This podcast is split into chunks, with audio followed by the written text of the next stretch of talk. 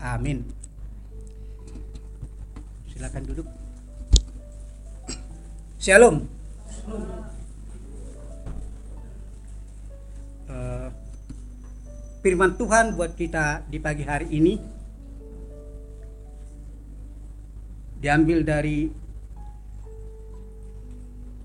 Yohanes 12 dimulai dari ayat 1 sampai dengan ayat yang ke-8. Yohanes pasal yang ke-12 dimulai dengan dari ayat 1 sampai dengan ayat yang ke-8. Dan kita membaca bersama-sama. Yesus diurapi di Betania. Enam hari sebelum Paskah, Yesus datang ke Betania, tempat tinggal Lazarus yang dibangkitkan Yesus dari antara orang mati. Di situ diadakan perjamuan untuk dia dan Marta melayani, sedang salah seorang yang turut makan dengan Yesus adalah Lazarus. Maka Maria mengambil setengah minyak narsuatu murni yang mahal harganya, lalu meminyaki kaki Yesus dan menyekakannya dengan rambutnya, dan bau minyak semerbak di seluruh rumah itu. Tetapi Yudas Iskariot, seorang dari murid-murid Yesus yang akan segera menyerahkan dia berkata, Mengapa minyak narwastu ini tidak dijual 300 dinar dan uangnya diberikan kepada orang-orang miskin? Hal ini dikatakannya bukan karena ia memperhatikan nasib orang miskin, melainkan karena ia adalah seorang pencuri. Ia sering mengambil uang yang disimpan dalam kas yang dipegangnya. Maka kata Yesus, biarkanlah dia melakukan hal ini mengingat hari penguburanku karena orang-orang miskin selalu ada padamu tapi kamu tidak akan selalu ada padamu demikian firman Tuhan. Tema untuk firman Tuhan pada saat ini sengaja saya buat pesta yang unik dan luar biasa. Pesta yang unik dan luar biasa. Yohanes 12 pasal yang eh, ayat yang pertama berkata enam hari sebelum Paskah Yesus datang ke Betania tempat tinggal Lazarus yang dibangkitkan Yesus dari antara orang mati. Enam hari ya enam hari sebelum Paskah Yesus datang ke Betania Yesus adalah seorang yang mengetahui waktu yang tepat dan bekerja sesuai dengan waktunya. Ia sangat memperhitungkan waktu dengan sangat cermat dan sangat matang. Kalau kita berdoa dan memohon sesuatu kepada Tuhan, tentunya kita ingin bersama segera mendapatkan hasilnya. Namun kalau hal itu tidak segera terwujud, kadang-kadang kita mulai menggerutu dan bersungut-sungut kepada Tuhan. Tuhan sesungguhnya tahu waktu-waktu yang tepat untuk mengabulkan doa kita. Ia tidak pernah terlalu cepat menolong kita. Namun juga tidak pernah terlambat bekerja dan memberikan pemenuhan doa kita tepat pada waktunya. Lambat atau cepat dia pasti akan menjawab doa kita. Kebenaran ini saudara-saudaraku harus terukir, terukir dalam batin kita, dalam hati kita. Menguatkan kita dan menuntun daka kita sehingga kita tidak patah semangat dan putus asa dalam berdoa. Kita sering berdoa siang dan malam, tapi kadang-kadang hasilnya pun tidak pernah langsung kita temui, kita dapatkan. Dikatakan pada ayat ini, jangan sekali-sekali takut untuk berdoa. Jangan patah semangat. Ya. Ia membuat segala sesuatu indah pada waktunya. Tuhan akan memberikan yang terindah bagi siapa saja yang benar-benar berdoa. Ketika orang-orang Yesus akan datang ke Betania, mereka mulai menjemput dia dan mempersiapkan perjamuan bagi dia. Betania kita tahu bahwa adalah kota tempat Lazarus dibangkitkan daripada orang mati. Namun perjamuan pesta itu tidak dilakukan di rumah Lazarus. Tetapi pesta itu dilakukan di rumah Simon.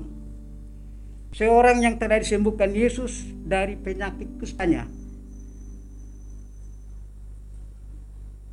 Orang yang datang ke pesta itu berusaha sedapat-dapatnya untuk menyenangkan Yesus karena mereka sudah merasakan kasihnya yang begitu besar yang mereka terima di sepanjang hidupnya. Orang-orang yang hadir dalam pesta itu antara lain Simon, seorang yang sudah ditahirkan dari penyakit kustanya. Marta yang sibuk melayani Tuhan Yesus. Lazarus yang sudah dibangkitkan dari antara orang mati. Maria yang membawa sebotol minyak naraswastu yang amat mahal harganya sesuai dengan ayat yang kita baca. Pesta itu bukan sekedar pesta biasa, tetapi pesta pengucapan syukur untuk menyatakan terima kasih mereka yang tidak terhingga kepada Tuhan atas segala sesuatu yang sudah dikerjakan Tuhan di dalam kehidupan mereka. Simon berkata, "Oh Tuhan, apa yang dapat kuperbuat untuk Engkau yang sudah menyembuhkan aku dari penyakit kustaku?" Maria datang ke tempat itu dengan ucapan syukur. Tuhan, Engkau begitu baik bagiku. Aku tidak tahu apa yang harus kuperbuat untukmu yang telah mengampuni dosa-dosaku dan mengusir setan yang merusak diriku. Demikian juga Lazarus, dia berkata, Aku ke sini untuk bersaksi bahwa dia telah membangkitkan aku dari antara orang mati. Hal itu saudara-saudaraku bukan dongeng. Tengoklah aku katanya, yang tadinya mati sekarang kembali hidup. Kita perhatikan ayat yang kita baca. Aku hadir untuk membuktikan bahwa dia adalah kebangkitan dan hidup. Dan barang siapa yang percaya kepadanya, ia akan hidup sekalipun ia sudah mati. Kalau kita bertanya kepada Marta, "Mengapa engkau sibuk?" Ia akan menjawab, "Karena aku ingin membalas kebajikan Tuhan kepadaku." Aku tidak dapat berbuat hal lain kecuali menyediakan masakan bagi dia. Semua yang ada di situ menyambut kedatangan Yesus dengan sukacita dan dengan hati yang dipenuhi dengan ucapan syukur. Saudara-saudara kekasih di dalam nama Tuhan Yesus. Yesus bukan hanya hadir di Betania, melainkan juga di antara dua atau tiga orang yang percaya dan berkumpul dalam namanya. Makanya kita sering berdoa pada saat ada sesuatu perkumpulan kita menyatakan rasa syukur kita bahwa Tuhan Yesus akan hadir pada tempat itu. Sekarang saudaraku kalau dia hadir hendak kita apakan dia? Apakah kita hendak mengeluh-elukan dia? Apakah kita hendak membawa santapan yang lezat baginya seperti santapan yang disediakan oleh Marta? Benar saudara-saudaraku. Namun ada timbul pertanyaan. Makanan apa yang hendak kita sajikan kepadanya? Makanan apa yang kita sajikan kepada Tuhan Yesus? Kalau saudara dan bapak ibu semuanya bertanya kepada saya, saya sarankan bawalah puji-pujian dan ucapan syukur. Karena itulah makanan kegemaran daripada Yesus. Puji-pujian yang keluar dari bibir orang yang sudah dirubah hidupnya. dari hati yang sudah dibasuh dengan darahnya yang tertumpah di atas kayu salib. Alkitab berkata, Tuhan hadir di atas puji-pujian umatnya. Itulah sebabnya saudara-saudara yang terkasih, kita perlu menyanyi bagi dia dengan benar. Bukan asal bunyi. Kalau kita menyanyi dengan penuh hati, dengan ucapan syukur, suara kita akan mantap didengar. Meskipun kita tidak mempunyai bakat untuk menyanyi, kita dapat mempersembahkan puji-pujian yang terbaik bagi Dia makanan yang lainnya yang disukai oleh Tuhan adalah kesaksian. Kita dapat memuji, meninggikan dan memuliakan nama Yesus dengan kesaksian kita. Selain itu, dengan kesaksian kita, iman saudara kita akan dibangun dan diteguhkan. Tuhan sangat senang dengan hal ini. Karena itu saudaraku kesaksian kita pun tidak boleh asal bunyi kita harus sadar bahwa kesaksian kita merupakan jenis persembahan yang sangat disukai Tuhan Yesus. Sebab itu kita pun harus memberikan yang terbaik bagi dia. Talenta-talenta saudara seperti main gitar, main piano, menyanyi juga merupakan persembahan yang menyenangkan Tuhan. Kita semuanya dapat menyajikan hal itu untuk menyambut kedatangan Tuhan. Kita juga bisa membawa jiwa sebagai persembahan yang menyenangkan hati Tuhan. Yesus berkata, ribuan malaikat di surga bertempik sorak bila ada seorang yang bertobat. Bukan hanya itu saja, Alkitab juga berkata, muliakanlah Allah dengan hartamu. Berarti ini pun merupakan persembahan yang dapat kita persembahkan kepada Tuhan. Kalau kita menyadari dan merasakan kasih Tuhan yang begitu besar dalam hidup kita, tentunya kita akan merasa kebingungan bagaimana kita dapat membalas kebajikan Tuhan yang telah diberikan kepada kita. Kita tentunya akan berusaha untuk menyukakan hati Tuhan dengan segala milik kita. Seperti Raja Daud, kita akan berseru, bagaimana akan kubalas kepada Tuhan segala kebajikannya kepadaku. Bagaimana akan kubalas kepada Tuhan segala kebajikannya kepadaku. Mazmur 116 ayat yang ke-12. Saudara-saudaraku yang terkasih di dalam nama Tuhan Yesus. Kita sering hanya meminta kepada Tuhan. Baik itu perkataan kita maupun melalui doa kita. Kita juga harus berbuat sesuatu untuk dia yang telah mengasihi dan menyelamatkan kita. Inilah yang dinamakan pesta yang unik dan luar biasa. Karena tamu-tamunya bukanlah orang-orang biasa termasuk kita yang hadir pada saat ini. Kita adalah tamu Tuhan Yesus yang sangat luar biasa. Orang-orang yang datang pada saat, itu mau menyatakan rasa syukur dan terima kasihnya kepada Tuhan. Suatu pesta yang dihadiri oleh orang-orang yang sudah diubahkan oleh Tuhan. Kita, saudaraku, mau menyambut kedatangan Tuhan di tengah-tengah kita pada saat ini dengan puji-pujian. Kesaksian, harta dan segala milik kita yang berharga sebab dia adalah raja di atas segala raja. Dialah yang telah menolong kita. Dia yang telah mengampuni segala dosa kita. Dia yang menyembuhkan segala penyakit kita dan dia yang memberikan berkat yang berlimpah bagi kita semua yang hadir pada saat ini. Haleluya. Inilah yang membuat pesta itu begitu unik dan luar biasa. Pertama, orang yang datang dengan membawa persembahan bagi Yesus. Mereka memberi bukan hanya meminta. Yang kedua, Yesus menjadi pusat perhatian dalam pesta itu.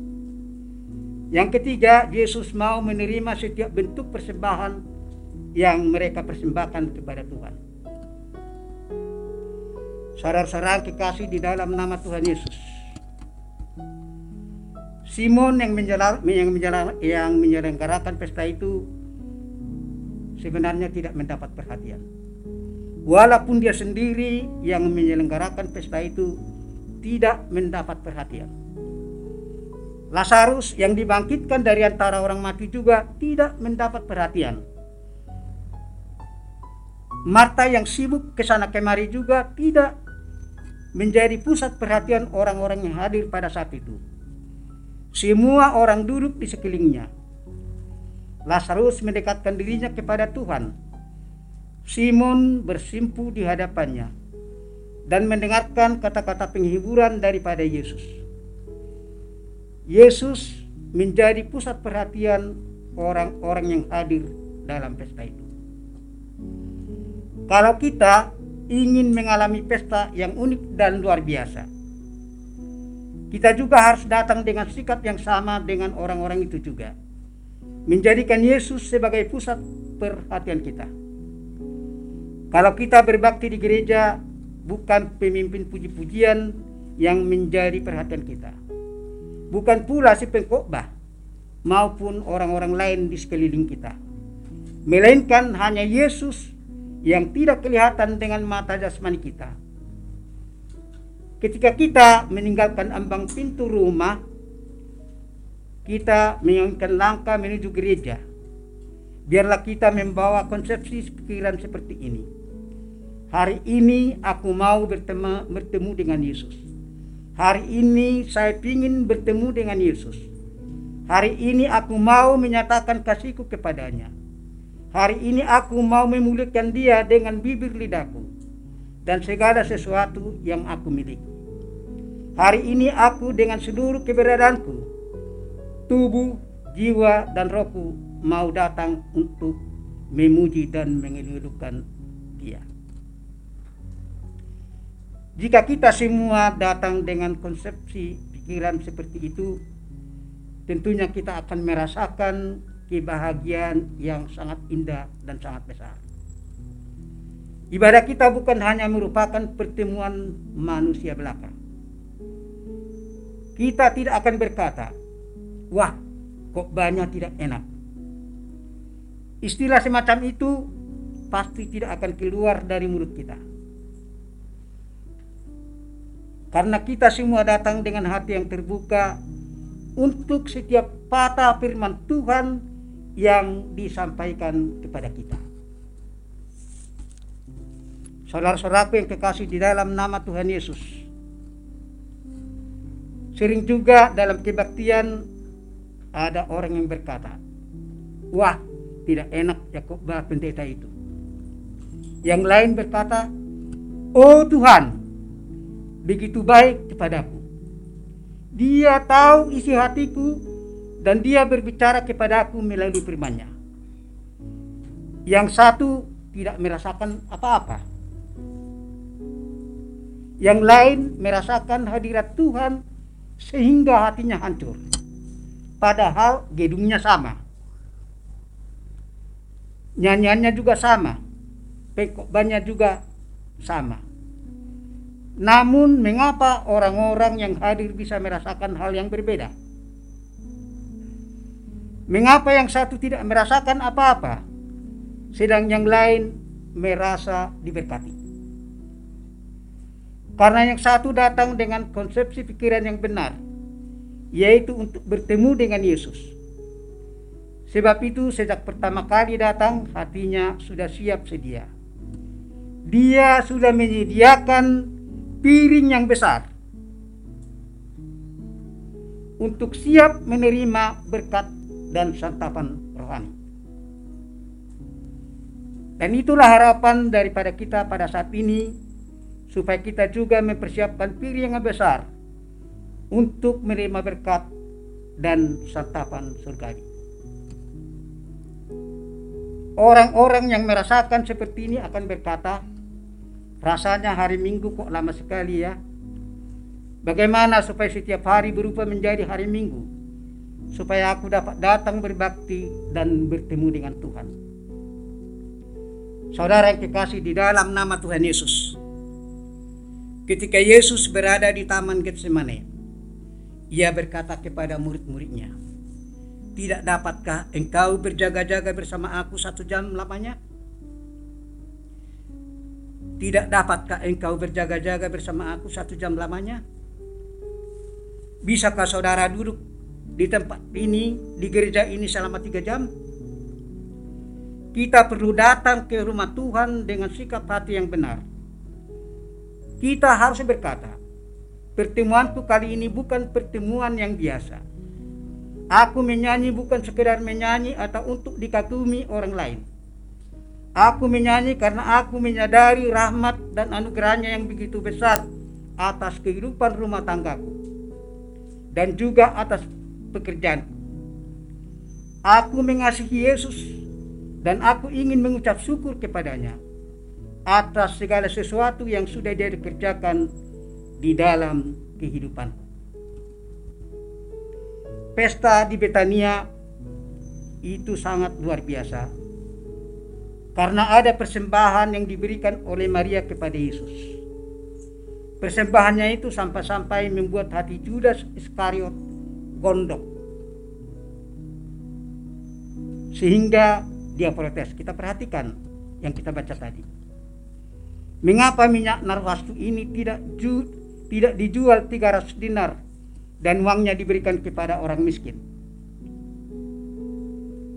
Alkitab berkata bahwa upah pekerja di Israel adalah satu dinar satu hari. Minyak narwastu persembahan Maria itu berharga 300 dinar. Berarti itu adalah upah pekerja selama 300 hari. Upah ia bekerja selama hampir satu tahun. Maria mau mempersembahkan harta miliknya yang begitu berharga untuk menyatakan kasihnya kepada Tuhan sebab Tuhan telah lebih dahulu berbuat baik kepadanya. Persembahannya sungguh-sungguh merupakan persembahan yang mencuahkan hati Tuhan karena ia telah memberikan yang terbaik dari dirinya. Pada saat ini saya berdoa supaya di dalam gereja Tuhan ini muncul Maria-Maria yang saat ini masih tersembunyi. Saya berdoa pada saat ini di dalam gereja Tuhan ini muncul Maria-Maria yang saat ini masih tersembunyi yang akan mempersembahkan minyak narwastu yang baunya mengharumkan segala ruangan ini. Persembahan semacam inilah yang berkenan kepada Tuhan sehingga ia berkata. Perhatikan Yohanes 12 ayat 7 dan 8. Biarkanlah dia melakukan hal ini mengingat hari penguburanku. Karena orang-orang miskin selalu ada pada kamu. Tetapi aku tidak akan selalu ada pada kamu. Saya senang bahwa sampai saat ini Tuhan masih berkenan untuk menerima setiap persembahan daripada kita. Tiap-tiap tetesan keringat yang engkau tumpahkan, yang kau tumpahkan bagi Tuhan tidak akan sia-sia. Dia mengingat hal itu. Saat ini gereja kita sangat bimbang, tetapi masih terkatung-katung. Kenapa ini harus saya ceritakan? Karena firman Tuhan menyatakan bagi kita pada hari ini bagaimana kita mempersembahkan yang terindah bagi Tuhan. Apakah itu uang, apakah itu air mata, apa itu keringat. Yesus mau menerima setiap bentuk persembahan kita. Tadi saya katakan baik itu berupa uang, keringat, air mata, atau apa saja. Yesus sangat menghargai setiap pemberian kita, persembahan persembahan dengan hati yang tulus kepadanya. Saudaraku yang kekasih di dalam nama Tuhan Yesus, ketika Yesus berada di Betania, secara spontan orang-orang itu mengundang Yesus untuk menghadiri pesta yang diselenggarakan bagi dia. Yesus tidak menolak undangan itu dengan mengatakan bahwa dia sedang sibuk atau ia baru saja selesai makan. Yesus memenuhi undangan itu dan datang ke rumah Simon. Ketika Yesus melihat Marta begitu sibuk melayani, dia tidak berkata, perhatikan Marta kenapa kamu sibuk sendiri?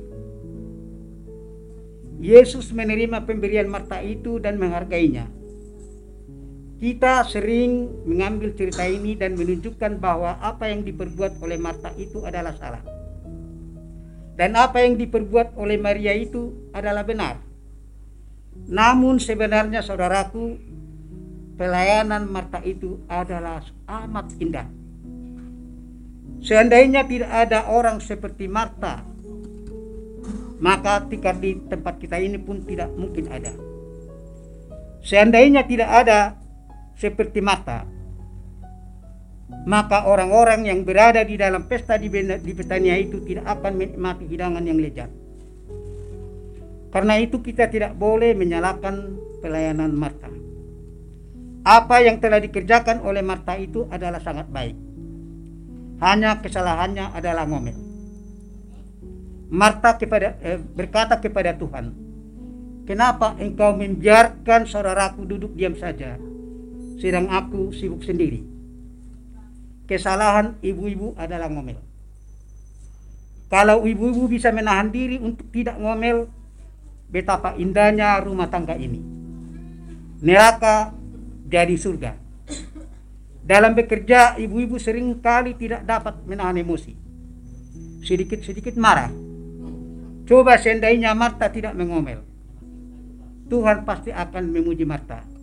Demikian juga bila ibu-ibu kita tidak suka mengomel. Tentunya Tuhan juga akan memuji ibu-ibu kita di tempat ini. Dalam pesta itu juga hadir Lazarus yang adalah salah seorang yang duduk makan di dekat Yesus. Ayat yang kedua.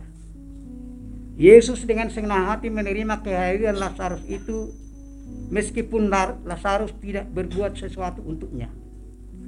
Yesus senang bersekutu dan, dan bercakap-cakap dengannya. Ini adalah satu pembuktian bahwa Yesus mau menerima setiap pemberian kita. Di sana juga hadir Maria yang mempersembahkan minyak narwastu yang sangat mahal. Yudas protes melihat apa yang dikerjakan oleh Maria. Tetapi Yesus berkata, biarkanlah dia. Setiap pemberian mereka ia terima dengan senang hati karena datang dari hati yang berterima kasih. Yesus tidak memandang pemberian itu sedikit atau banyak. Yang dia perhatikan adalah hati yang memberi Apakah mereka memberi dengan ucapan syukur atau atau dengan terpaksa? Dia senang menerima persembahan yang kita berikan dengan ucapan syukur. Alkitab berkata bahwa orang yang memberikan secangkir air pun kepada murid-muridnya tidak akan kehilangan pahala. Karena itu saudaraku marilah kita berlomba-lomba untuk berbuat sesuatu yang terbaik bagi Tuhan Tuhan mau menerima pemberian kita supaya genaplah firman Tuhan yang berkata, perhatikan, berilah maka kamu akan diberi sukatan yang ditekan-tekan dan digoncang-goncang sampai melimpah ruah. Berilah maka kamu akan diberi sukatan yang ditekan-tekan dan digoncang-goncang sampai melimpah ruah.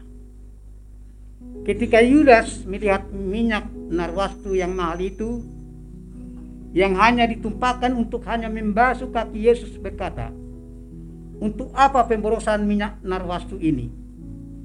Maria telah mempersembahkan upah pekerja selama hampir satu tahun hanya untuk membasuh kaki Yesus.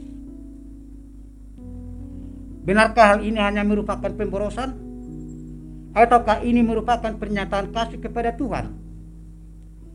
Orang yang berkorban kepada Tuhan memang dapat digolongkan sebagai orang yang boros. orang yang berkorban kepada Tuhan memang dapat dikategorikan digolongkan sebagai orang yang boros, tidak ekonomis, tidak mengenal pepatah hemat pangkal kaya. Tetapi Alkitab berkata bahwa kepikiran Allah berbeda dengan kepikiran manusia. Hukum Allah berbeda dengan hukum dunia. Hukum dunia berkata, hemat pangkal kaya. Tetapi hukum Allah berkata, royal pangkal kaya. Karena setiap orang yang memberi dengan sukarela dan akan dibalas Tuhan dengan berlimpah. Royal pangkal kaya karena setiap orang yang memberi dengan sukarela dan di, akan dibalas oleh Tuhan dengan berlimpah. Kalau kita mengasihi Tuhan jangan jangankan uang atau harta yang dapat dipandang oleh mata kita sendiri. Diri kita sendiri pun akan kita persembahkan kepada Tuhan. Rasul Paulus berkata, semua hal itu aku anggap sampah jika dibandingkan kemurahan dan anugerah Tuhan yang sudah berlaku dalam kehidupanku. Ada tiga hal yang sudah dipersembahkan Paulus kepada Tuhan untuk membuktikan ucapannya itu. Yang pertama, keringat. Alkitab mencatat bahwa Paulus telah bepergian jauh dengan tanpa mengenal lelah untuk mengabarkan Injil. Pernah ia mengalami karam kapal beberapa kali sehingga dia hampir mati. Pernah ia dilempari batu ataupun dikejar-kejar ketika ia memberitakan Injil. Sungguh keringatnya telah ia persembahkan kepada Tuhan Yesus yang telah memberkati dan mengasihi dia. Yang kedua, air mata. Kisah Rasul 20 ayat yang ke-31 berkata, Sebab itu berjaga-jagalah dan ingatlah bahwa aku tiga tahun lamanya siang malam dengan tiada henti-hentinya menasihati kamu masing-masing dengan mencucurkan air mata. Yang ketiga, darah. Tetapi sekarang sebagai tawanan roh aku pergi ke Yerusalem dan aku tidak tahu apa yang akan terjadi di dalam hidupku. Selain daripada yang dinyatakan Roh Kudus dari kota ke kota kepadaku, bahwa penjara dan sengsara menunggu aku. Tetapi aku tidak mengharaukan nyawaku sedikit pun asal saja aku dapat mencapai garis akhir dan menyelesaikan pelayanan yang ditugaskan oleh Tuhan kepadaku untuk memberi kesaksian tentang Injil. Kasih karunia Allah. Dan sekarang aku tahu bahwa kamu tidak akan melihat mukaku lagi. Secara gereja mencatat bahwa Rasul Paulus akhirnya mati karena nama Tuhan Yesus. Darahnya dia telah korbankan bagi Yesus yang mempunyai pekerjaan itu. Saudara-saudara kekasih, bila kita memperhatikan apa yang telah diperbuat Rasul Paulus, maukah kita mempersembahkan keringat, mempersembahkan air mata dan darah hanya untuk kemuliaan kemuliaan Tuhan Yesus? Paulus telah mengorbankan keringatnya air matanya dan terakhir darahnya bagi Yesus. Pemborosan kah itu namanya? Ataukah pernyataan kasihnya kepada Tuhan? Saudaraku, timbang-timbanglah dan pikirkanlah apakah yang sudah engkau korbankan bagi dia. Apakah hal itu kita golongkan sebagai suatu pemborosan? Ataukah kita golongkan sebagai pernyataan kasih kepada dia ini pun saya mohon kepada saudara supaya menjawab pertanyaan ini di hadapan dia yang dapat membaca batin manusia dan mengenal akan semua pikiran kita. Pengorbanan yang telah dilakukan oleh Rasul Paulus bukanlah suatu kesia-siaan. Melainkan, melainkan suatu persembahan yang harum baunya yang berkenan kepada Allah. Pengorbanannya itu telah membuahkan banyak jiwa yang dia bawa kepada Tuhan. Segala diri payah dan pengorbanannya membuahkan banyak sidang jemaat di seluruh dunia. Saudaraku yang kekasih, Yesus sendiri telah mengorbankan tubuh dan darahnya bagi kita semua sebagai jalan kampunan dosa. Sehingga setiap orang yang percaya kepadanya beroleh jalan keselamatan. Apakah engkau persembahkan kepada Tuhan sebagai bukti kasihmu kepadanya? Apakah yang akan engkau berikan kepada Tuhan sebagai tanda ucapan syukurmu kepadanya? Sebagai persembahan kita akan membuahkan hal-hal yang indah dalam pelayanan pekerjaan Tuhan. Dan ini sangat menyukakan hati Tuhan. Sehingga dia akan melimpahkan berkatnya atas hidup kita yang hadir pada saat ini. Haleluya. Amin. Saya serahkan acara berikutnya kepada Bapak Pendeta.